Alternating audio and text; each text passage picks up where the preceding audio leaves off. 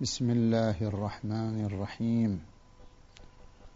وصلى الله على محمد وآله الطيبين الطاهرين.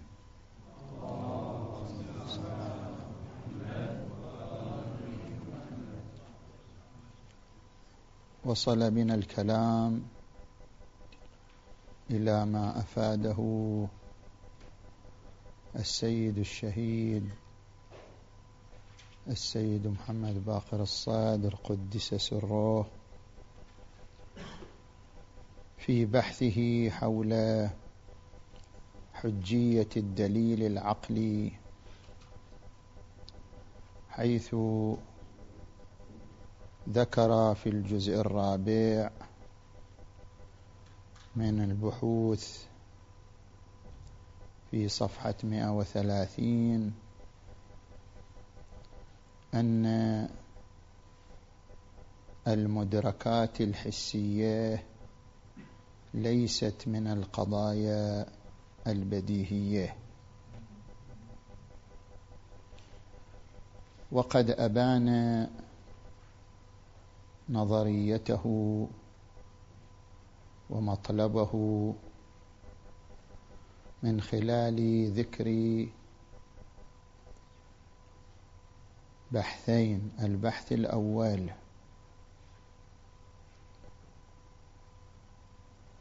أن هناك بحثا فلسفيا منذ القدم. هل أن المدركات الحسية من القضايا البديهية أم لا؟ كإدراكنا أن أمامنا الطاولة وإدراكنا أننا بين أصدقائنا. هل هذه المدركات الحسية مدركات بديهية أم لا؟ حيث إن المنطق الصوري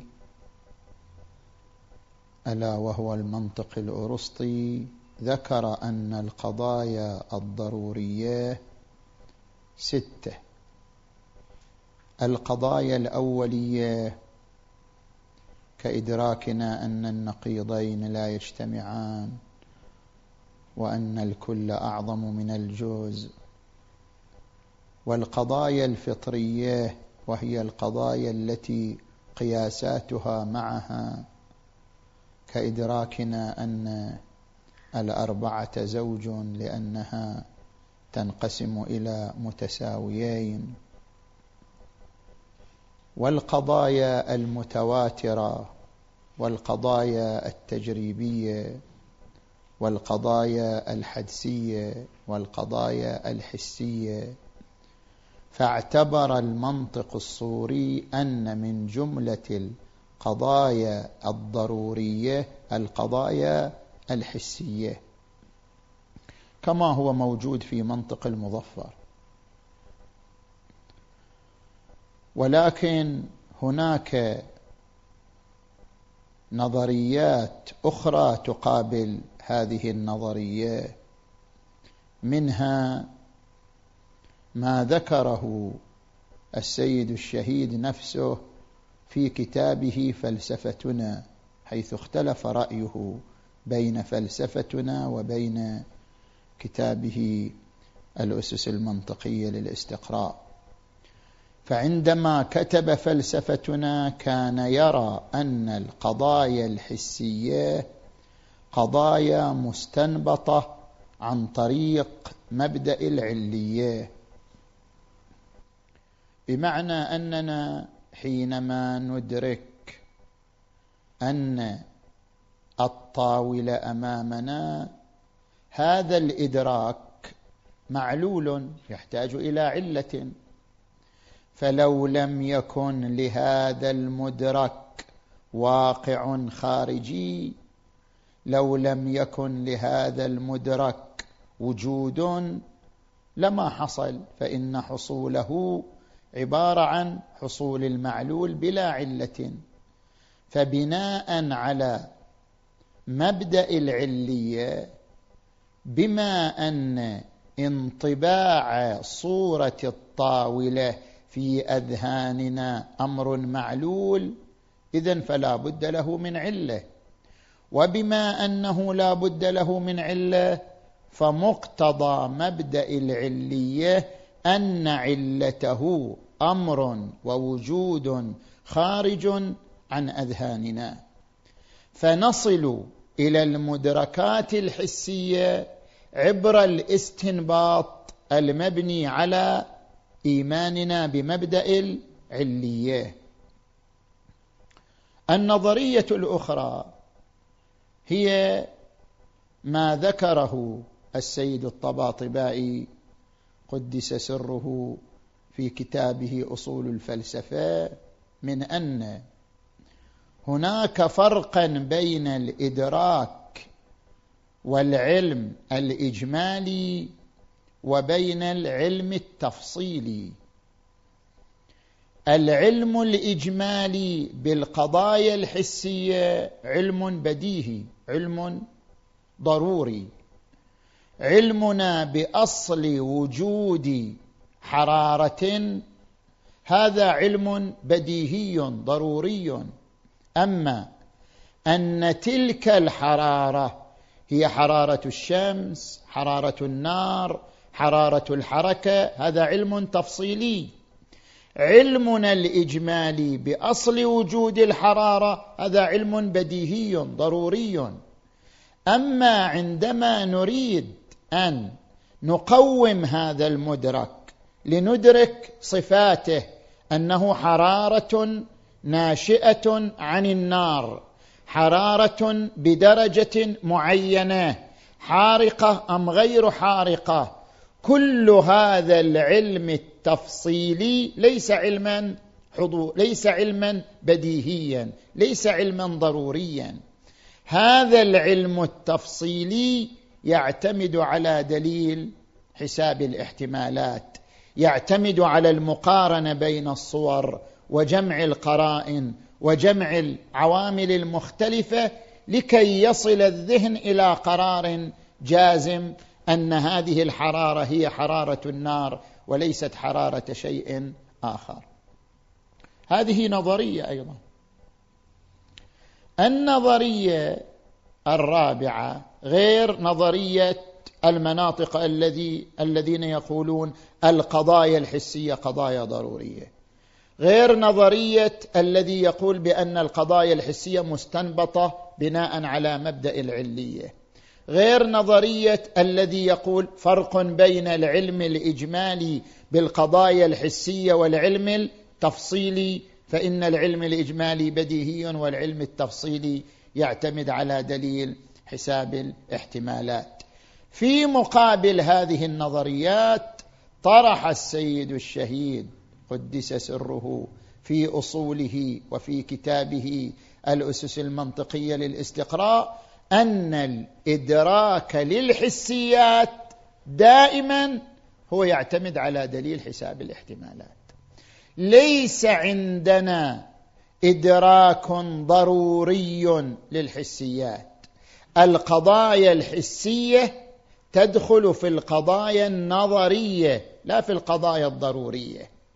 وبعبارة أخرى القضايا الضرورية هي خصوص قسمين. القضايا الأولية يعني ما يحكم به العقل بالبداهة مثل النقيضين لا يجتمعان.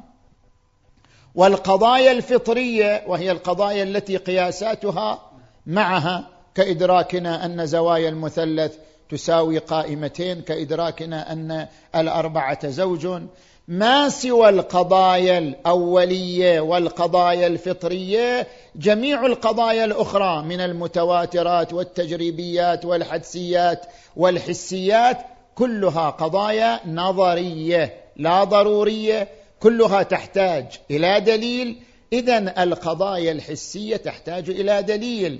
الدليل في ذلك هو دليل حساب الاحتمالات دليل الاستقراء هذا هو البحث الأول الذي طرحه السيد الشهيد أن هناك مجموعة نظريات في القضايا الحسية وهو يختار النظرية الرابعة أنها قضايا نظرية يعتمد إدراكها والجزم بها على دليل حساب الاحتمالات.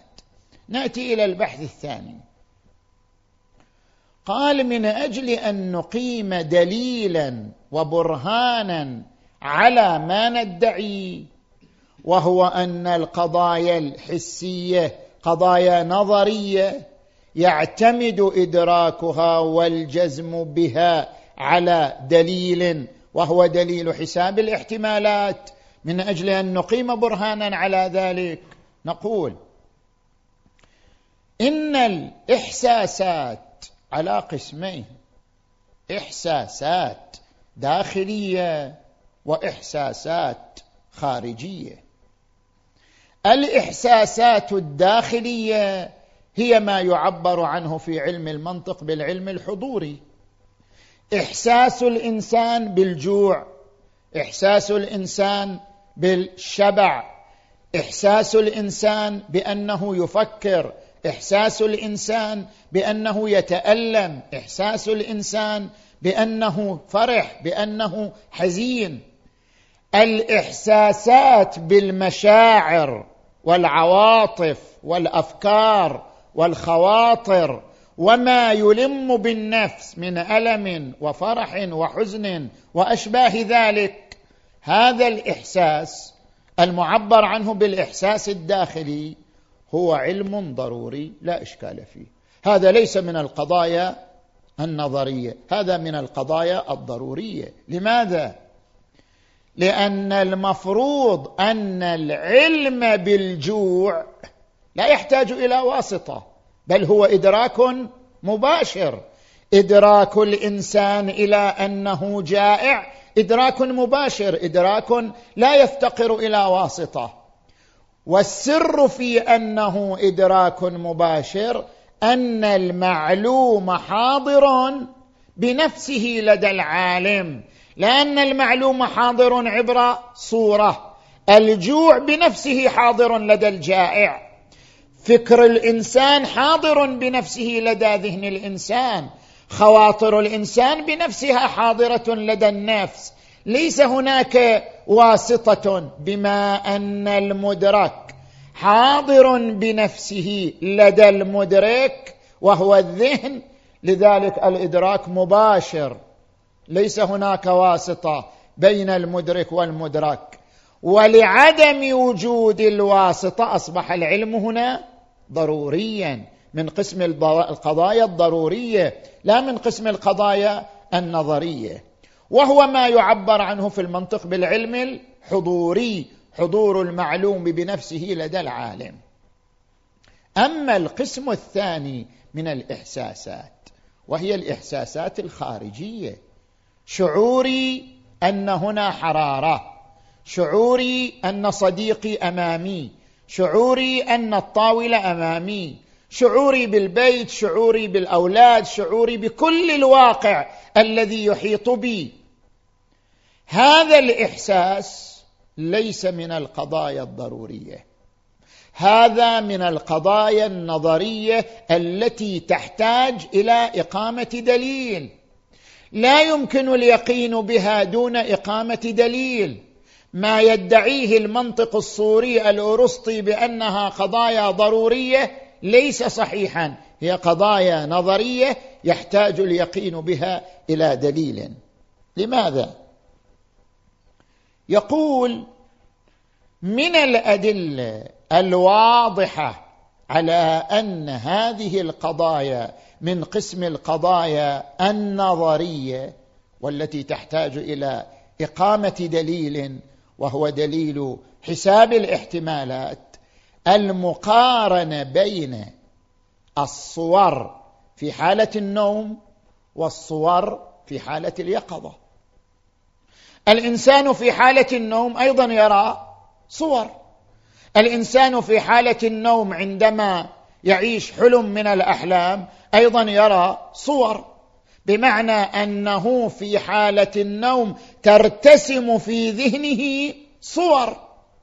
فيرى صورة شارع صورة مثلا سيارة صورة صديق صورة غريب. هذه الصور التي يراها في النوم. لا إشكال بأن هناك صورا ترتسم في الذهن حالة النوم وهي حالة الحلم الذي يراه الإنسان في نومه. وهناك أيضا صور ترتسم في الذهن حالة اليقظه عندما يجلس الإنسان ويرى أمامه النار ويرى أمامه الشاي ويرى أمامه مثلا النون وال وال وغيره من الأشياء التي يتناولها بالنتيجة. هنا صور وهنا صور.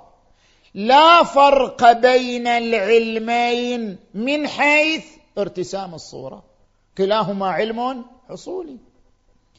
كما أن الإنسان في حالة اليقظة ما يدركه هو صور في ذهنه للأشياء التي حوله. كذلك الإنسان في حالة النوم ما يدركه هو صور ترتسم في ذهنه وليس شيئا آخر. لا فرق بين الأمرين من حيث أنهما علم حصولي. هذا علم حصولي هذا علم حصولي. هذا عبارة عن ارتسام صورة هذا عبارة عن ارتسام صورة. بينما إذا قمنا بالمقارنة بين هذين العلمين وبين هاتين الصورتين نرى أن الصور التي يراها الإنسان في نومه ليس لها واقع موضوعي.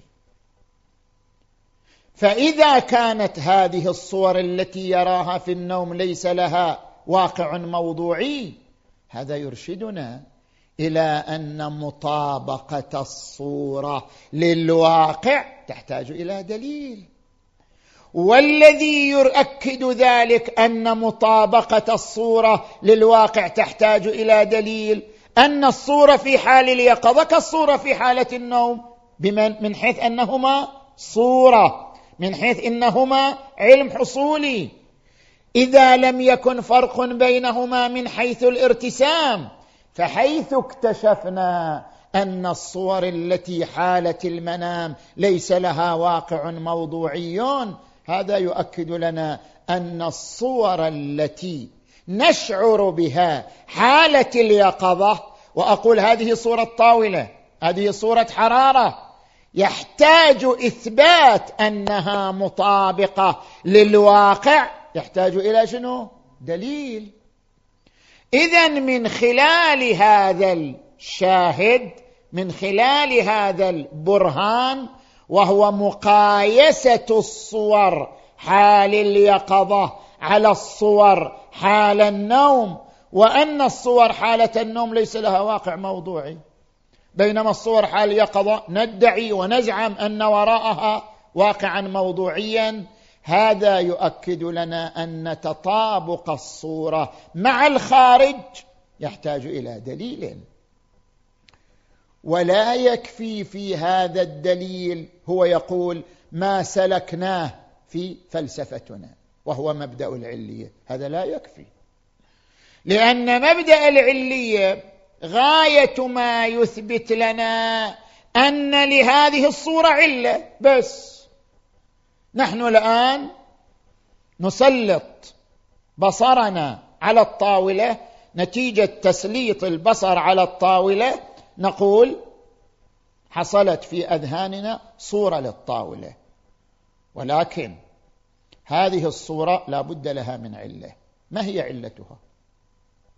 نحن في فلسفتنا ذكرنا أن علتها الوجود الخارجي للطاولة. لولا وجود خارجي للطاولة انعكست الأشعة من خلاله على شبكة العين فارتسمت صورة لما حصلت صورة في الذهن. لكننا الآن نقول لا. وجود صورة للطاولة في الذهن يدل على وجود علة لأن المعلول يحتاج إلى علة. أما أن هذه العلة داخلية أو خارجية هذا أمر لا يثبته مبدأ العلية. لعل هذه العلة كما يقول باركلي هي علة داخلية. يعني النفس خلاقة النفس قادرة على اصطناع الصور وابتكار الصور. لعل هذه الصورة التي حدثت في الذهن علتها من داخل النفس لا ان علتها من خارج النفس. فمجرد الإيمان بمبدأ العلية لا يعين أن لهذه الصورة مطابقا خارجيا. الإيمان بمبدأ العلية لا يثبت لنا أن هناك واقعا لهذه الصورة. اذا دعوى أن الحسيات مستنبطة من مبدأ العلية هذا نظرية خاطئة. فتعين أننا لا نستطيع ابدا إثبات أن وراء صورة الطاولة طاولة واقعان إلا بالعقل الثالث بحسب تعبيره وهو دليل الاستقراء. فعندنا عقل أول وهو الذي يدرك القضايا الأولية كالعقل الذي يدرك أن النقيضين لا يجتمعان. وعندنا عقل ثاني وهو العقل النظري الذي يستنبط المجهولات من المعلومات. وعندنا عقل ثالث سماه العقل الاستقرائي القائم على تراكم الاحتمالات. الذهن عندما تحصل لديه صورة الطاولة يقوم بالمقارنة بين الصور بملاحظة القرائن المختلفة بملاحظة الخصوصيات المتكثرة يجمعها ونتيجة تراكم الاحتمالات. يحصل له يقين بأن وراء هذه الصورة يوجد طاولة في الواقع. اذا أصبحت الحسيات نظريات وتعتمد على دليل حساب الاحتمالات وليست قضايا ضرورية كما ذكرها المنطق الأرسطي. كما أنها ليس هناك فرق كما أنه ليس هناك فرق بين العلم الإجمالي والعلم التفصيلي كما ذهب إليه السيد العلامة في أصول الفلسفة أن علمنا بأصل المحسوسات علما اجماليا هو قضية ضرورية. وعلمنا بتفاصيلها وتفسيرها هو علم نظري يحتاج إلى دليل حساب الاحتمالات ابدا. العلم بتفاصيل المحسوسات كالعلم بأصل المحسوسات كلاهما يعتمد على دليل حساب الاحتمالات. غاية ما في الأمر أن النفس تسرع في تنظيم دليل حساب الاحتمالات لأننا لا نشعر بذلك. نحن أنت تقف أمامي؟ حالا أقول أنت قطعا واقف أمامي. النفس خلال واحد بالمليار من الثانية نظمت دليل حساب الاحتمالات ووصلت إلى اليقين بوجود الشيء. عندما أضع مثلا كفي على جسم حار فأدرك ادراكا يقينيا أن هنا حرارة أنا أقول هذا إدراك بديهي. لا يحتاج إلى دليل ابدا. لكنه إدراك نظري يعتمد على دليل حساب الاحتمالات. النفس تنظم مقدمات هذا الدليل لتدرك النتيجة ادراكا يقينيا خلال واحد بالمليار من الثانية. فسرعة الجزم بالخارج لا تعني ابدا أن إدراك الحس إدراك ضروري وبديهي بل هو إدراك نظري يعتمد على دليل حساب الاحتمالات. إن شاء الله في الجلسة القادمة نتعرض لبعض الملاحظات التي سنؤيد بها كلام العلامة الطباطبائي في أصول الفلسفة على المطلب الذي ذكره السيد الشهيد قدس سرهما والحمد لله رب العالمين وصلى الله على محمد وآله الطيبين الطاهرين.